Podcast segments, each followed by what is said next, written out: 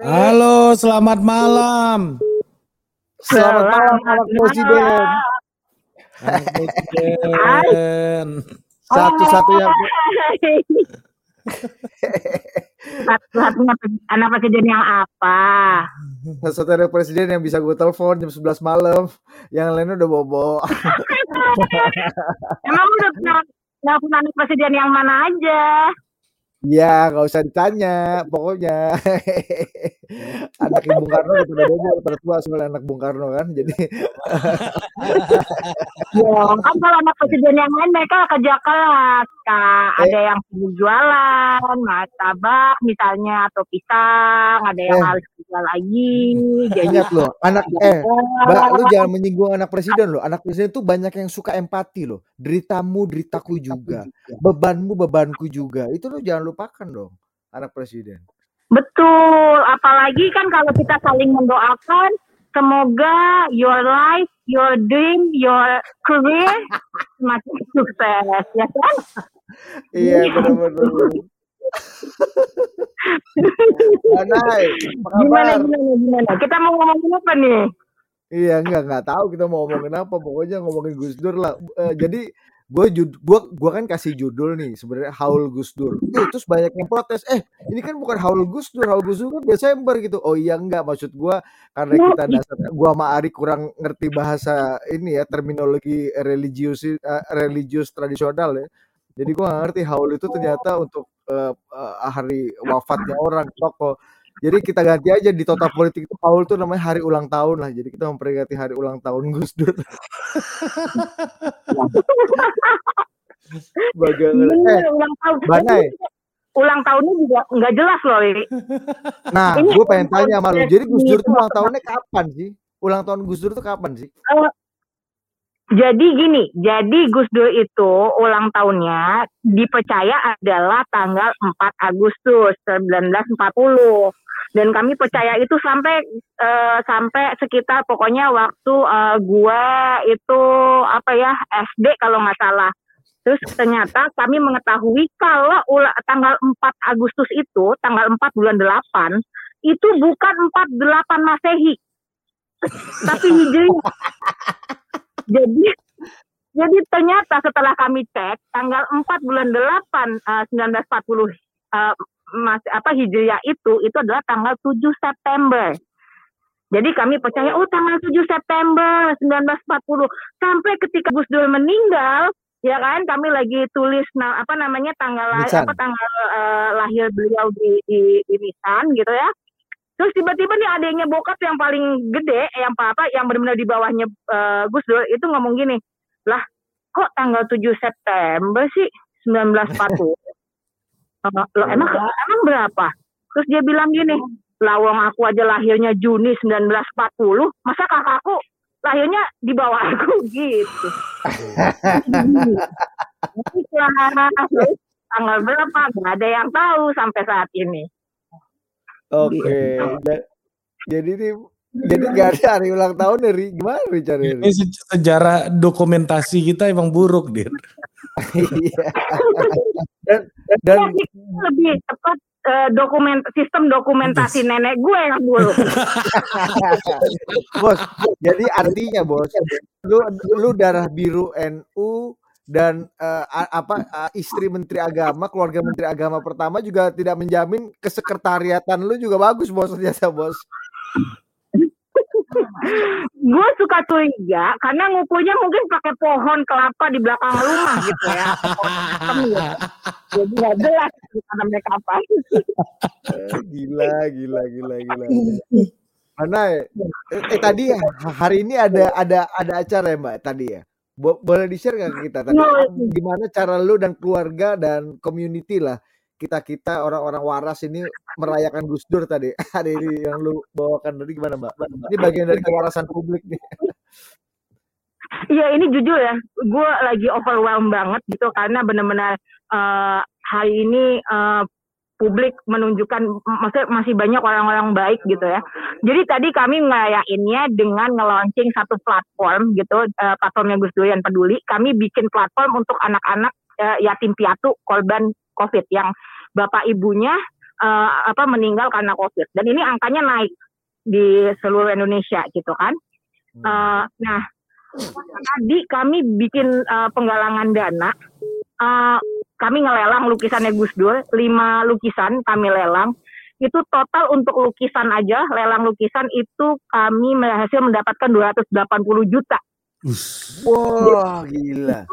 termasuk donasi yang di yang dimasukkan publik eh, langsung gitu. Nah, yang dimasukkan publik itu ada sekitar 39 juta dan juga tadi sampai ada yang eh, ngebantuin eh, oksigen ekstraktor, terus juga pembelian kapal buat ambulans laut untuk mengangkut pasien-pasien eh, COVID yang dari pulau-pulau kecil. Karena Wow. banyak banget dari mereka yang nggak bisa dapetin akses eh, kesehatan yang kena COVID ini, jadi harus dibawa ke mana namanya ke pulau yang lebih gede gitu ya. Dan itu banyak banget yang bisa diangkut karena nggak ada uh, transportasinya. Dan tadi kami dapetin uh, ada yang nyumbang gitu ya, uh, beberapa pengusaha yang kemudian patungan nyumbang itu, terus juga nyumbang APD. Jadi uh, kami lagi overwhelmed banget kayak wah gila bener-bener uh, semangatnya Gus Dur sih ya mungkin ya nggak tahu deh ini. Jadi kami senang banget bener-bener luar biasa banget sih. Iya itu orang-orang itu namanya karomah Mbak Nay. Iya, mungkin ya. Iya kata Night selalu lari mau bilang apa? Eh, tapi tapi di saat-saat kayak gini apa yang lu ceritain tadi tuh menunjukkan bahwa Gus Dur tuh emang hadir di semua titik ya Mbak ya. Gus Dur tuh jadi titik tengah ya dari segala macam irisan-irisan perbedaan dan hantu belaunya Indonesia ini. Gus Dur tuh selalu punya irisan dengan semua kelompok dia. Lu ngeliatnya gimana? Iya, Iya benar, karena gini tadi tuh ternyata kami mendapati eh, apa namanya yang nyumbang misalnya tadi ya yang lelang itu ada misalnya dari kelompok Tionghoa tadi, Hmm. terus ada dari ini dari berbagai macam kelompok, ada yang dari tadi perkumpulan apalah yang tadi gue lupa namanya, tapi namanya juga nama nama-nama eh, Tionghoa gitu dan segala macam. Ya ada yang tadi eh, apa namanya nawal dari dari Sulawesi, dari oh ada yang dari Iya. Sumatera Utara itu Bebas. cuman bilang dia ngaku eh, hamba Tuhan nggak ada nggak ada apa dia nggak mau ngaku namanya itu eh, 100 juta sih maksud gue kayak gila Gila ya gitu Ini dan, dan pandemi loh, bisnis lagi bangkrut loh semua. Lagi susah orang kan. benar dan yang lebih yang lebih bikin gue kaget adalah si hamba Tuhan ini yang nyumbang 100 juta itu dia nyumbang karena ayahnya lagi sakit. Lu bayangin bapaknya lagi sakit, dia malah nyumbang 100 juta. Dan tadi dia nggak mau disebut. Tadi kita udah mau bilang di di TV kita mau bilang eh, supaya doain ayahnya, dia nggak mau. Oh gitu. Ini Jadi kan dia nggak mau sebutin nama ya? Apa jangan-jangan apa Janji jangan-jangan dia. di Pak Luhut dari Sumatera Utara bukan ya? Bukan. bukan, bukan.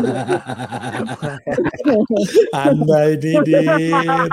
Anda ini. Lebih, lebih lucu lu daripada Mbak Nay ini Din. Eh, Mbak Nay, eh, apa ya? Kita mau nanya apa ke Mbak Nay? Ri? Kita doang. Hmm. Halo ya, ya Mbak. Lanjut Mbak. Iya. Iya. Kalau emang itu ternyata Pak Luhut, gue nggak mau dong harus 100 juta. Eh nggak gitu ya? Kok segini doang gitu. iya, langsung lah 5% saham Toba Bara gitu apa kayak gitu kan. Eh, iya, iya. Segini doang nih. Kata Mbak Nay kan kalau malu.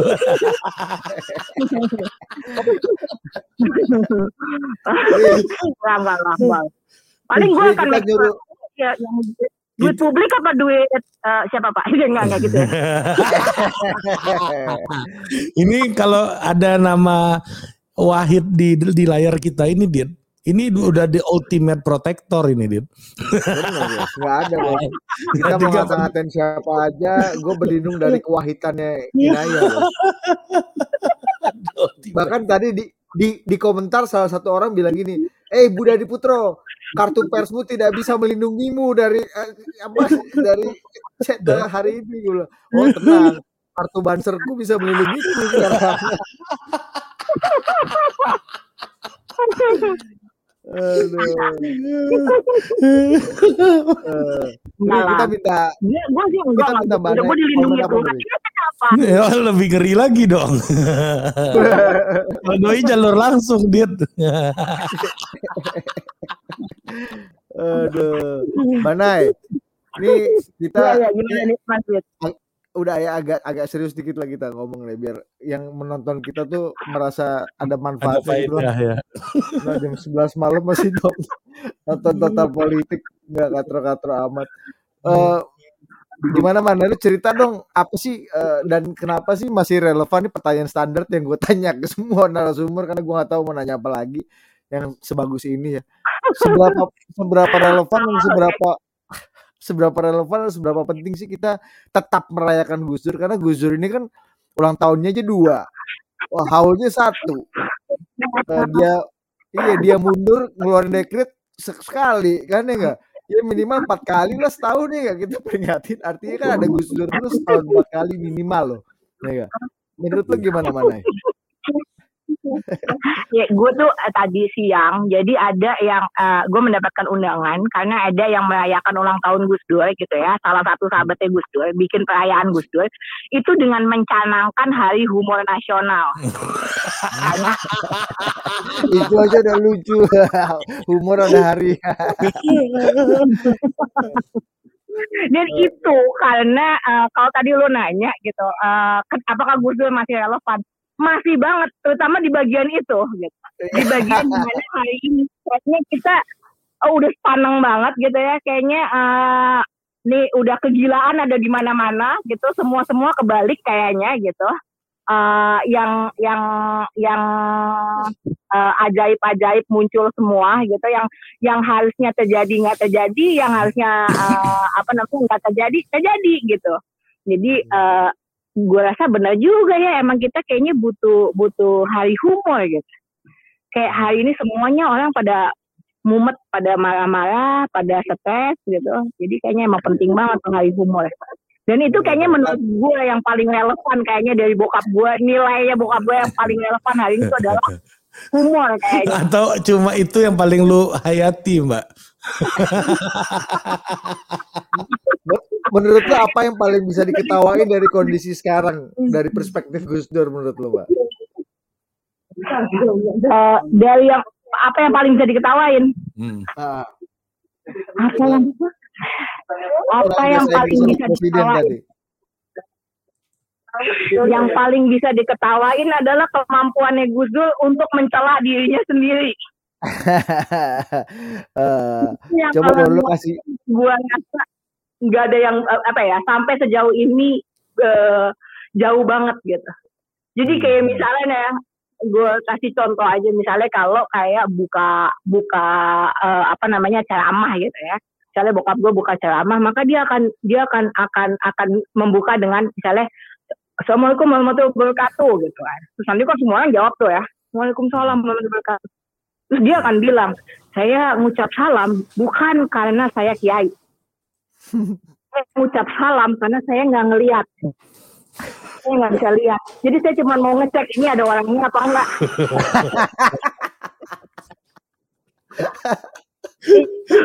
Bro, dark banget, Bro. Dark banget bos. Eh lu gua kirimin deh satu deh. Masih ada nggak ya gue? ya? Nah, terus terus banyak mana apa apalagi mana coba kita kulaan kulaan. Gimana Gus Dur mencela dirinya sendiri? Gue sampai gue sampai mikir dulu nih, gue boleh ketawa nggak ya?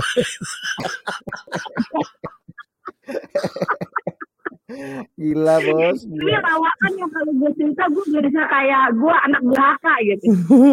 Enggak. Lu nanti kena kena somasi komunitas tunanetra nanti Mbak itu yang gua Betul bos.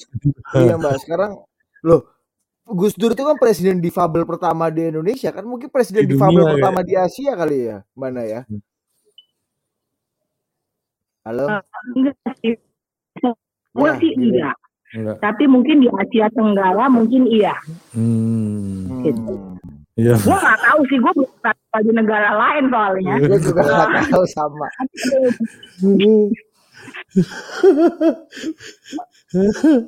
Dengeri, Bro. ya. Itu kan keren lah, yang yang paling chill. Protektor ini jokesnya gila, Bro. Protektor. Lagi dong mbak, lagi dong mbak. Apa yang lu gimana Gus Dur? Kan sekarang kan orang orang cepat tersinggung ya. Kalau dihina sedikit saya merasa dihina, saya prihatin gitu-gitu kan. Nah, kalau Gus Dur kan menyenangkan kan bahkan di sebelum orang menghina dan eh, apa namanya ngeledekin dia, dia meledek dirinya sendiri gitu kan. A- apalagi Mbak di saat-saat yang kita bisa inget lah, yang lu inget lah. Maksudnya gini, kalau kalau Gus Dur itu dihina, dia akan bilang, nggak usah capek-capek, I'll do it. Nah, jadi eh, nggak- ya ya ya udah gitu. Ya emang emang. Tapi yang menurut gue menyenangkan adalah karena dengan fans kayak gitu, em, dia nggak menertawakan orang, gitu. Hmm. Tapi dia tertawa bersama orang. Hmm, dia tidak menertawakan orang tapi dia tertawa bersama orang ya. Ri, ini ada satu Ri, lu bu- lu lu lu bisa putar Twitter gua Ri. Itu uh, ada jawaban Gus Dur ketika dia didesak. Ini kan seperti kata Andi Budiman tadi kan, setiap Jumat tuh hari yang menegangkan buat semua orang, buat perangkat istana, buat uh, apa ekonom-ekonom, ya kan, uh, uh, investment bankers sampai wartawan semua tegang karena setiap Jumat Gus Dur menjawab pertanyaan dari masyarakat di habis sholat Jumat ya mana ya. Nah, salah satu pertanyaannya yang paling banyak yang paling sering adalah bertanya kapan Gus Dur mau mundur. Nah, ini Gus Dur eh, jawab gini nih. Ri, coba Ri. Kapan Gus Dur turun kalau nggak salah. Nih Didit Tantang. nih emang eh, Twitternya kumpulan Gus Dur semua nih kayaknya nih.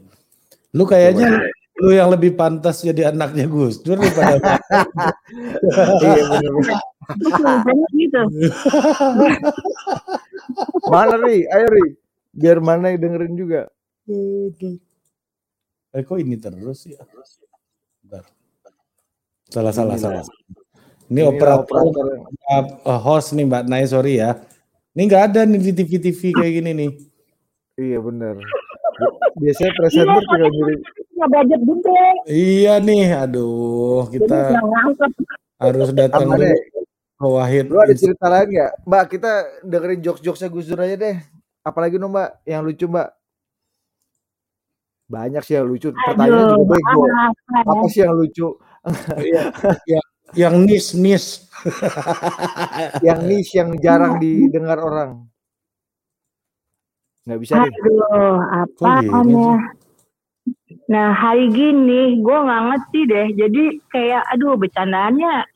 Jadi gini, gue tuh pernah ya satu kali, eh, entah gimana, sebuah acara gitu, acara yang gue host gitu di TV, itu difabricated, dipotong, terus kemudian dikasih narasi, yang terus jadi kesannya narasinya itu eh, apa ya, gue bersikap eh, kami gitu, di, yang ada di dalam ah, di dalam ah, video itu, eh, itu jadi eh, apa namanya, eh, dia dianggap kayak menghina gitu, satu kelompok gitu lah ya.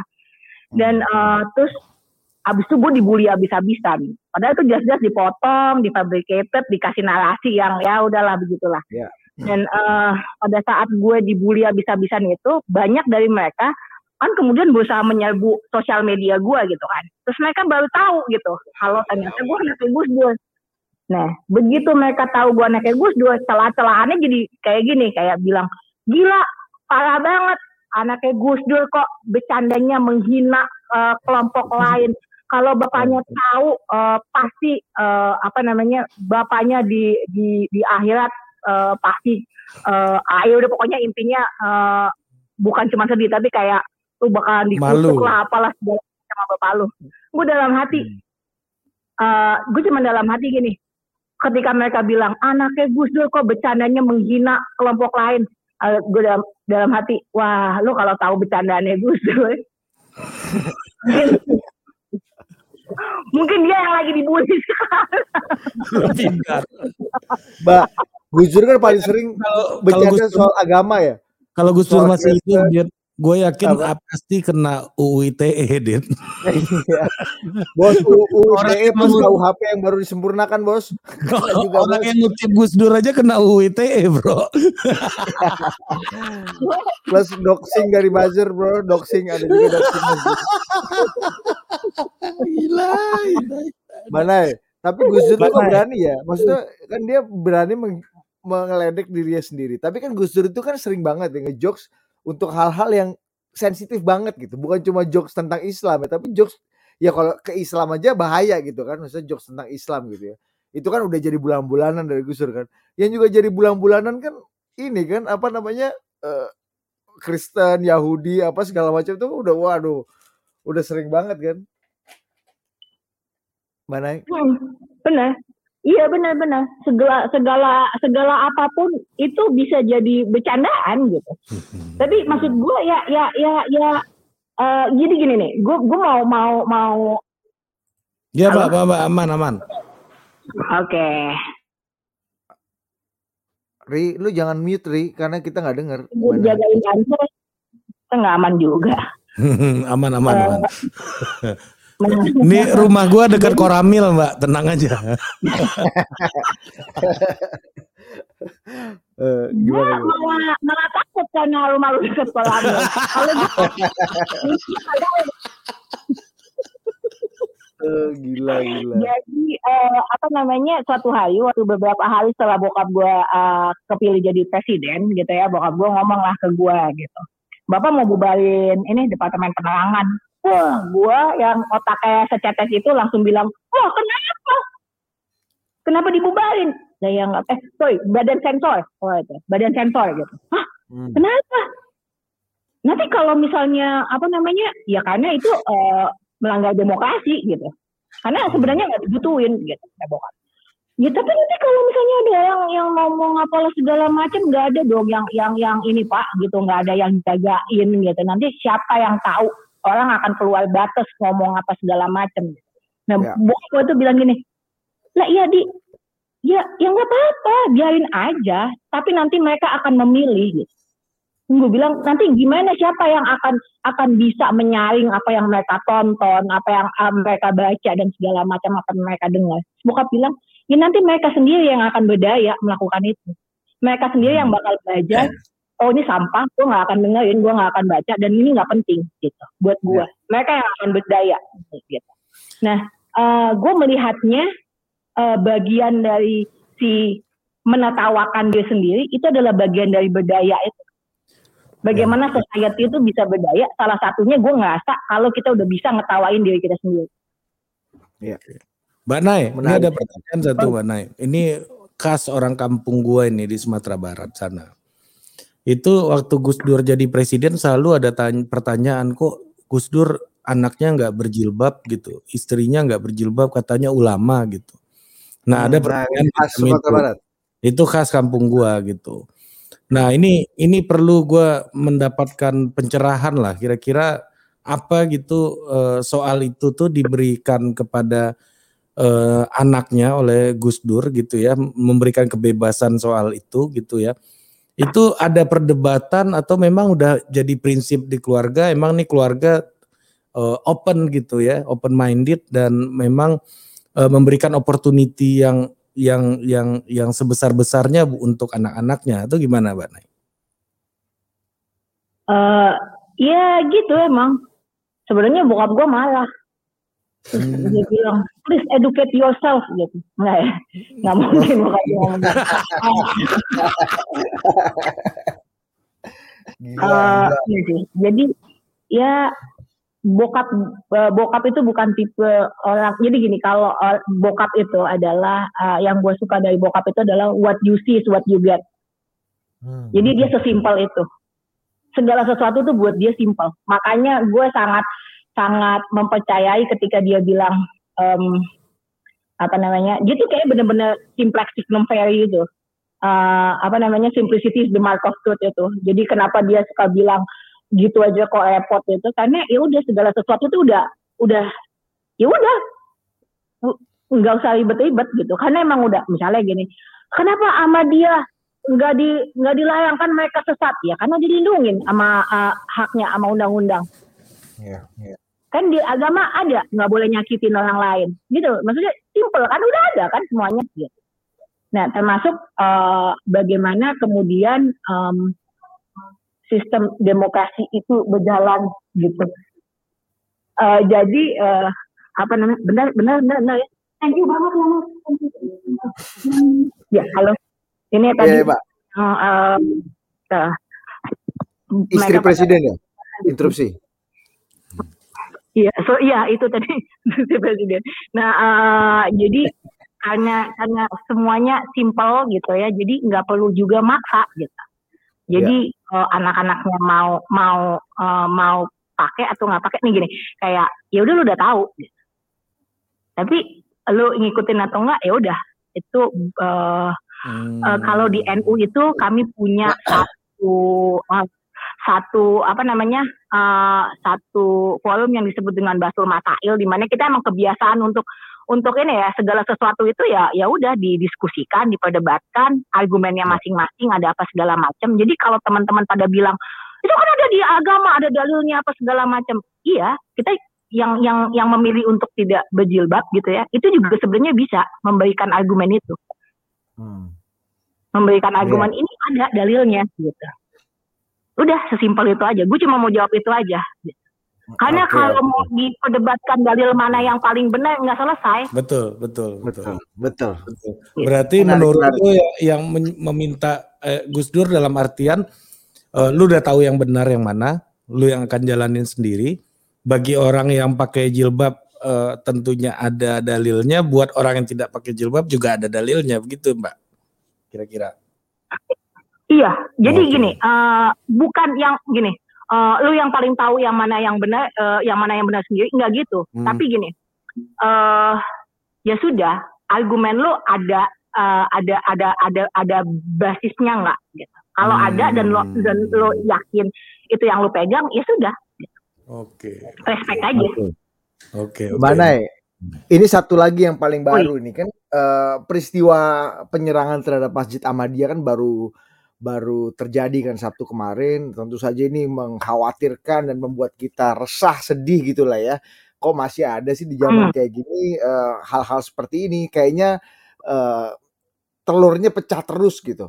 Nah, uh, kemudian muncul tentu saja ketika ada kasus Ahmadiyah, ketika ada uh, kelompok minoritas yang didiskriminasi atau ditindas, diagresi gitu ya oleh saudara-saudaranya sebangsa sendiri, yang membuat kita menggelorakan lagi, membuat kita mengingat-ingat lagi bagaimana Gus Dur berjuang untuk kelompok minoritas gitu kan. Ini ini ini penting, Mbak. Dan sampai pada akhirnya gue baca juga tuh, kan kita banyak juga ngelihat di media, termasuk di Twitter di segala macam, banyak juga yang menganggap Gus Dur bukan bukan hanya membela Ahmadiyah, tapi dia percaya Ahmadiyah dan membela akidah Ahmadiyah dan ini dianggap suatu, suatu kesalahan gitu. Nah, lu boleh kasih perspektif nggak, Pak? Gus Dur dan Ahmadiyah ini. Kenapa Gus Dur mau apa namanya? Uh, dia bilang kalau ada saksi ahli yang meringankan saya mau. Dia dia memerintahkan Banser dan Ansor bilang Ansor dan Banser harus paling depan membela saudara-saudara kita Ahmadiyah gitu. Nah, ini ini ini gimana lo menjelaskan sikap Gus Dur terhadap Ahmadiyah di dalam konteks saat ini gitu, Mbak? Dan waktu itu. Ya lah, nih ya kalau misalnya, nih Gus Dur ini selalu dicap segala macam gitu ya kan, karena diambil terus jadi kalau dia ngebelain haknya kelompok itu, terus dia jadi mm-hmm. bagian dari kelompok itu, gitu ya. Hmm. Jadi kayak misalnya nih, Gus Dur itu kan uh, uh, akhir-akhir bahkan sebelum beliau meninggal, beliau tuh jadi juri untuk Miss Waria gitu. Berarti dengan yeah, yeah, yeah. kelompok yeah. LGBTQ. Terus berarti kemudian karena membuka hubungan uh, berniat membuka hubungan dengan dengan Israel, uh, beliau Zionis. Yeah. Terus habis itu karena beliau bikin rekonsiliasi dengan korban apa namanya dengan uh, hmm. uh, apa namanya uh, meminta maaf 65. gitu ya untuk uh, korban 65 ya. Ya, 65 beliau komunis. Terus habis itu karena dia membela hak-hak uh, apa teman-teman Ahmadiyah supaya tidak diserang dan tidak dipersekusi berarti dia Ahmadiyah. Uh, terus kemudian berarti dia karena dia belain kelompok-kelompok agama lain berarti dia juga Kristen, Hindu, Buddha, Konghucu banyak banget, capek banget ya kamu gitu.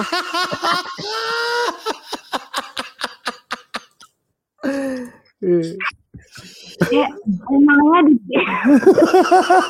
lucu banget sih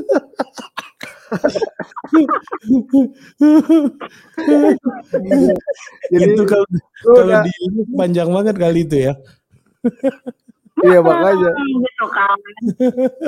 jadi Gus Dur jadi sama kayak Jokowi dong.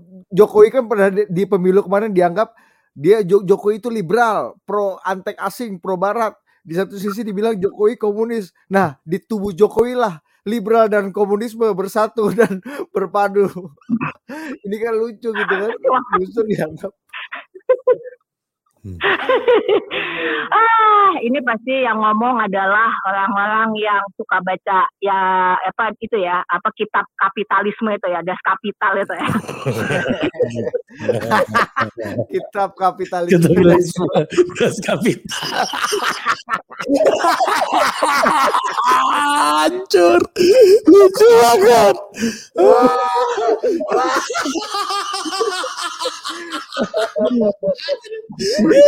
Banget, hancur. gue nggak bisa ngomong apa-apa buat semua orang yang cap apa segala macam ke Gus Dur saran gue cuma satu Google tuh gratis udah googling aja dulu ini ada ini nih mbak ini permintaan dari Gresik TV nih Gresik TV muncul sini di, di, di YouTube nih dari tadi dia komen-komen terus. Angkat dong sisi Gus Dur dalam konteks kezuhudannya. gitu, Ada komentar Aduh. Mbak Nai. Ini gresik ini. Nah, daerah daerah basis ini. Gus Dur dalam konteks kezuhudannya nih. Nih, gue tuh kayaknya ya. Ini daerah basis dalam, nih, Mbak. Iya, iya, iya, iya, makanya. Jadi gini, gue mau cerita kezuhutan Gus Dur. Zuhudnya, gue sampai kesel sendiri karena jadi anaknya Gus Dur gitu. Kayak gini, kayak sebelum gue lahir gitu kayak uh, gue berasa kayak Tuhan tuh pas bilang, eh Inaya lo mau nggak lahir jadi anak presiden? Gue mengiyakan gitu karena kayaknya dalam bayangan gue kalau jadi anak presiden gue bakalan melimpah luah gitu ya entah mungkin jadi komisaris gitu atau mungkin uh, punya perusahaan apa segala macam gitu ya. lu bisa bisnis cengkeh bisa mobil nasional gitu gitu ya punya tol gitu ya kan? Ya cengkeh mulai dari pupuknya sampai segala macam yo ya kan? Atau kemudian gue mungkin gue bisa bikin baliho di mana-mana gitu kan? Gue nggak udah mulai frontal bos. Mungkin lu kepak buntut bukan kepak sayap ya kan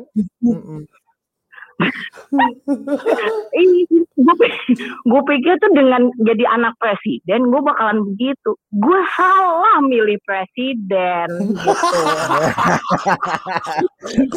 Itu iya presidennya bokeh lu bayangin ya bokap gue itu. Bokap gue itu.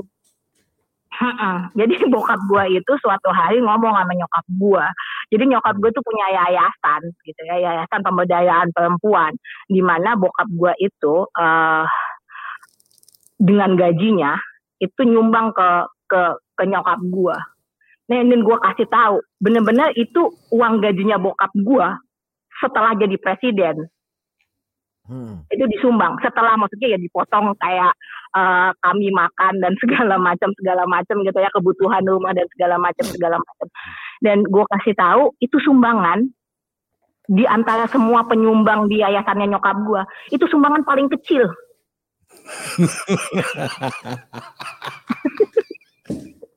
Cuma dua ratus ribu per bulan. bukan. Bukan US dollar kan? Jadi lu sebenarnya doa lu tuh nggak salah ya. Pengen jadi anak presiden cuma presidennya ya, aja yang salah. ya Ya betul, gue cuma nggak ngecek aja presidennya yang mana. Jadi gue kalau milih presiden gitu. Dar, brodar. kacau, kacau. Waktu pembagian takdir ya.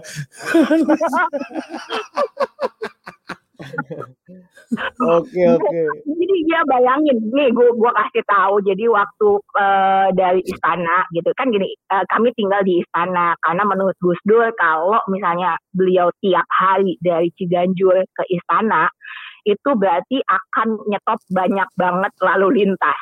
Kalau setiap hari itu akan ganggu gitu kan. Nah, Iya. eh, akhirnya beliau memutuskan ya udah emang dan perlu dikembalikan fungsi istana itu perlu dikembalikan sebagai rumah rakyat dan segala macam segala macam. Dah akhirnya jadi memilih eh, untuk tinggal di istana. Juga untuk supaya meringankan karena kan tiap hari eh, menghentikan lalu lintas dan segala macam itu kan sebenarnya juga eh, apa namanya keluar biaya dan segala macam ya. Jadi ya udah di istana aja gitu dan mengembalikan fungsinya. eh nah, terus ya karena itu kan sebenarnya istana ya terus tiba-tiba di- ditinggalin nih. Jadi kan akhirnya mau nggak mau mereka kemudian masangin eh, apa ya maksudnya disediakan hal-hal yang yang supaya kami bisa tinggal di sana gitu.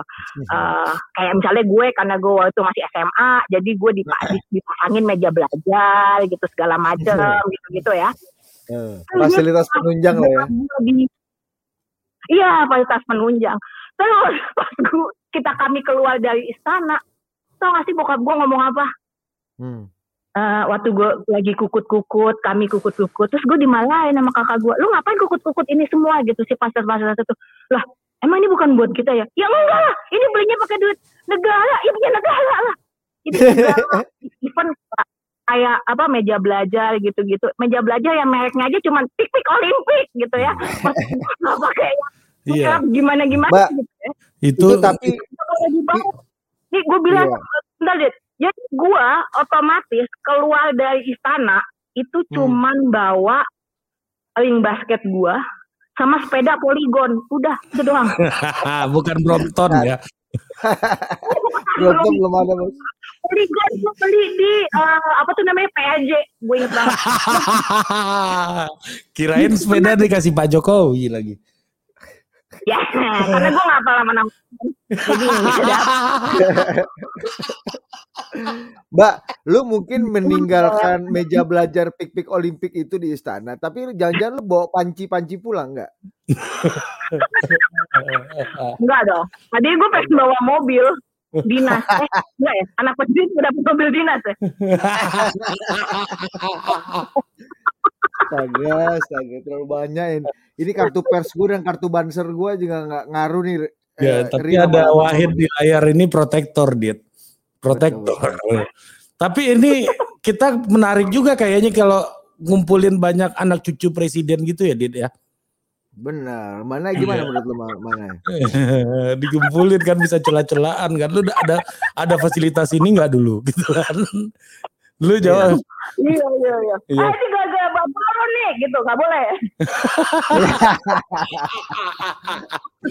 Mbak ternyata bos tahu kalau dia ternyata kita undang Mas Ahaye atau Mas Ibas gitu kan Eh, Mas Mas Ibas bilang itu meja belajarnya Mbak Nay ya gitu yang saya pakai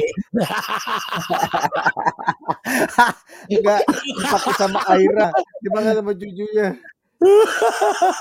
Masih ada bos ternyata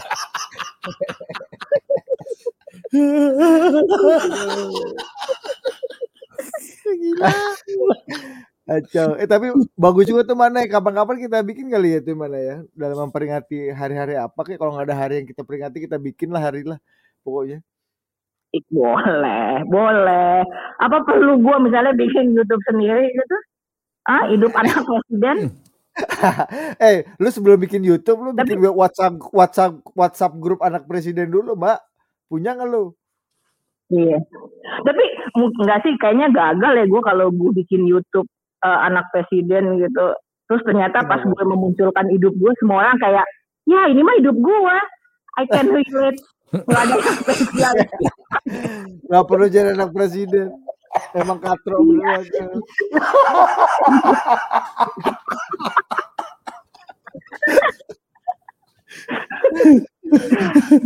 Aduh, kacau, kacau. Saya lagi salah presiden, gue salah milih bapak. iya anak presiden kamu dulu makan apa aku makan ini sabana katanya Sabar. Ya, aku tim. Iya. Aduh, ya ampun. Oke deh. Iya, Mana thank you, mana. kalau ada ada GoFood zaman itu gue yakin dit itu depan istana tuh banyak GoFood GoFood nganterin tuh dit. Betul Mbak Nay masih di situ. itu waktu tanggal itu tanggal 23 Juli itu dekret Jadi uh, apa namanya uh, siang-siang itu waktu sidang MPR itu uh, ya udah kami tuh sebenarnya nonton si sidang MPR itu sambil makan nasi padang. Kan orang kayaknya ngerasanya itu genting banget tapi sebenarnya ya udah gue sama temen inget uh, kami keluar di seberang istana tuh di bagian belakang Binagraha nah tuh seberangnya tuh ada uh, nasi padang siang, enak tuh Desa, siang malam siang malam ya? Gue lupa siang malam apa pagi sore gue nggak ngerti deh. Uh, oh. uh, pokoknya gue lupa gue lupa namanya. Iya. nah itu gue jalan ke situ terus si bapak-bapaknya bingung gitu kayak lah lu ngapain di sini? gitu kayaknya tampangnya kayak tampang. Lah kok mbaknya di sini? Ya iya pak lapar oh ya udah gitu. Terus dia kayak uh, ini lagi ada peristiwa bersejarah lu malah nongkrong di warung padang gua gitu beli makan. Iya iya. Ada ada presiden kurang empati bro waktu itu. Iya dan di warung padang lagi yang tidak memilih Gus Dur tuh. Yang menghina iya. Gus Dur dan mempertanyakan kenapa anak Gus Dur gak pakai jilbab bos? Pertanyaannya itu bos. Iya, itu misteri dalam hidup gue itu. Kayaknya itu sebelum gue order, gue nanya dulu ya, Bapak pro sidang MPR apa enggak gitu. oh, apa mendukung dekret apa enggak? Saya dukung dekret, Mbak, gitu. Sampai dibayar. Oke. Okay. Tapi yang pasti gue balik ke dalam istana itu sambil nenteng si kantong plastik itu isinya ya nasi bungkus gitu. Jadi ya ya lumayan lah. Ini, gitu. ini ada yang bilang nih di komen YouTube nih Adil Putra bilang nih di situasi di situasi genting Mbak Inayah memilih menggerakkan ekonomi kerakyatan katanya. Nah, ini narasi kepak nih Mbak, kepak ekonomi kerakyatan lu bisa pakai Mbak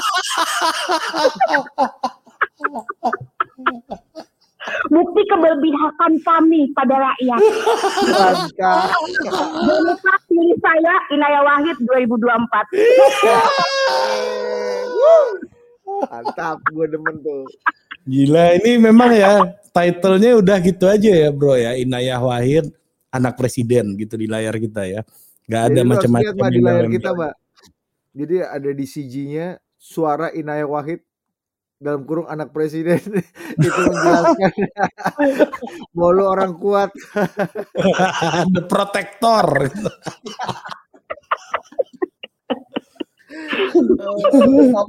Gue gue tuh pernah ya mau bikin Oh udah nih ya, udah nih. Jadi gue udah gak boleh ngomong lagi. Ya, boleh, boleh, boleh, boleh, boleh. Enggak, enggak, bercanda, bercanda. Kepikiran bikin apa tadi?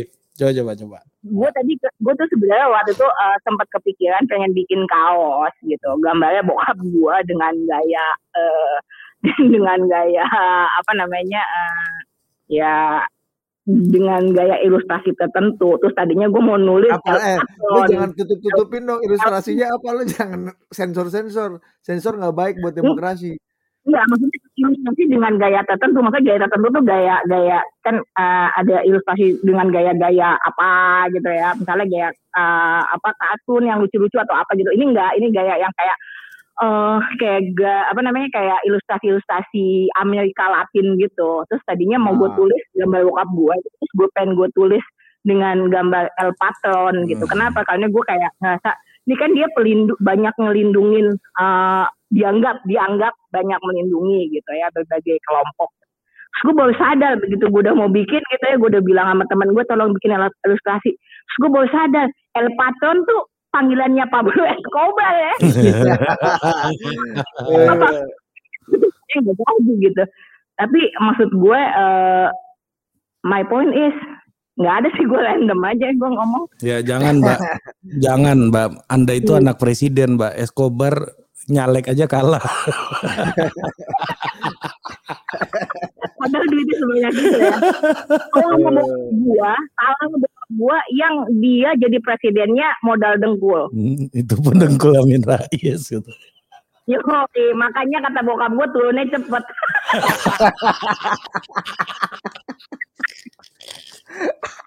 Anjur, anjur. Anjur, anjur, anjur. Anjur. Mbak kasih satu jokes dong. Terakhir dong sebelum tutup. Apa kayak gitu cerita? Aduh. Apaan ya? Gak ada gue, gue beneran apa kan? Lu gak merasa dari tadi itu joke semua, Dit? Iya, ini kan terakhir. Aduh, hidup gue adalah lelucon besar, jadi ya udahlah. Ya udahlah itulah ya pokoknya ya.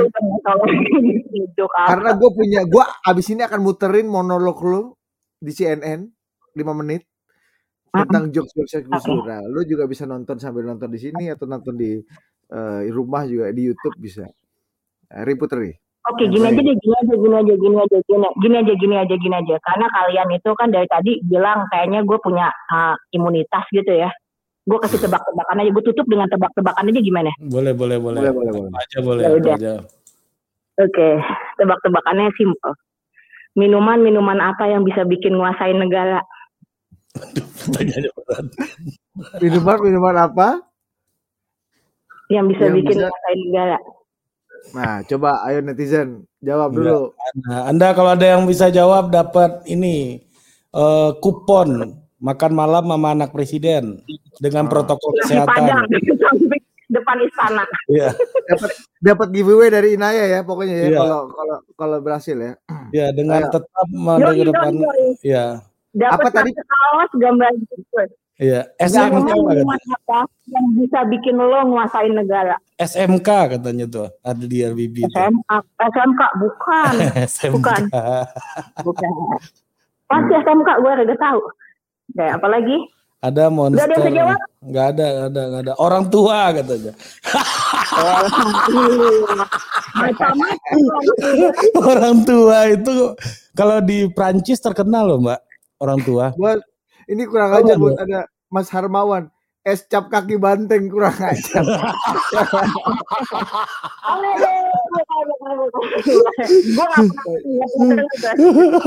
Aduh kacau kacau ada Kalau di- ada jawab. Kalau di di ini di, kalau di Prancis tahu nggak lo? Orang tua itu terkenal terkenal banget loh dit. Apa? Eh, Le Parong. gitu.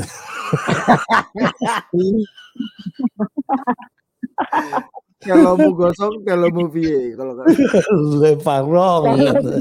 Kalau mungkin masih ingat aja lu kanan itu. Udah ada yang sedih. Nggak ada mbak. ada ada ampun. Menyerah nih, nih salah semua nih kayaknya. Nah, gue menjawab em, ini apa namanya dengan immunity gue minuman yang bisa bikin nguasain negara adalah Red Bull. Eh, ada yang jawab Red Bull bos. Ada Ada Denis, Denis Raharja dong jawab Red Bull. ada Red Bull. dapat Denis Raharja, dapat Anda dari anak presiden. Dapat tadi gambarnya Gus Dur nanti eh, silakan DM Mas Ari aja nanti gue gue ini ya atau DM gue di Instagram juga boleh. Ya ya, lu Nanti akan gue kirimkan kaosnya. DM Total Politik aja ya. Denis Raharja Anda dapat eh, door prize dari anak presiden. Red. Ya jelas itu delay jawabnya. Ya jelas lah ini dari live ke YouTube aja delay berapa detik ini kamu gimana? Intinya selamat buat eh, siapa tadi tuh? Denis, Andre? Denis, Denis Denis Raharja. thank you. Ya. Oke, Eh, Mbak eh, apa sih? Red Bull loh Banteng. Ah, kenapa kenapa Dit? Didin baru sadar, baru sadar Red Bull itu apa. lu kacau loh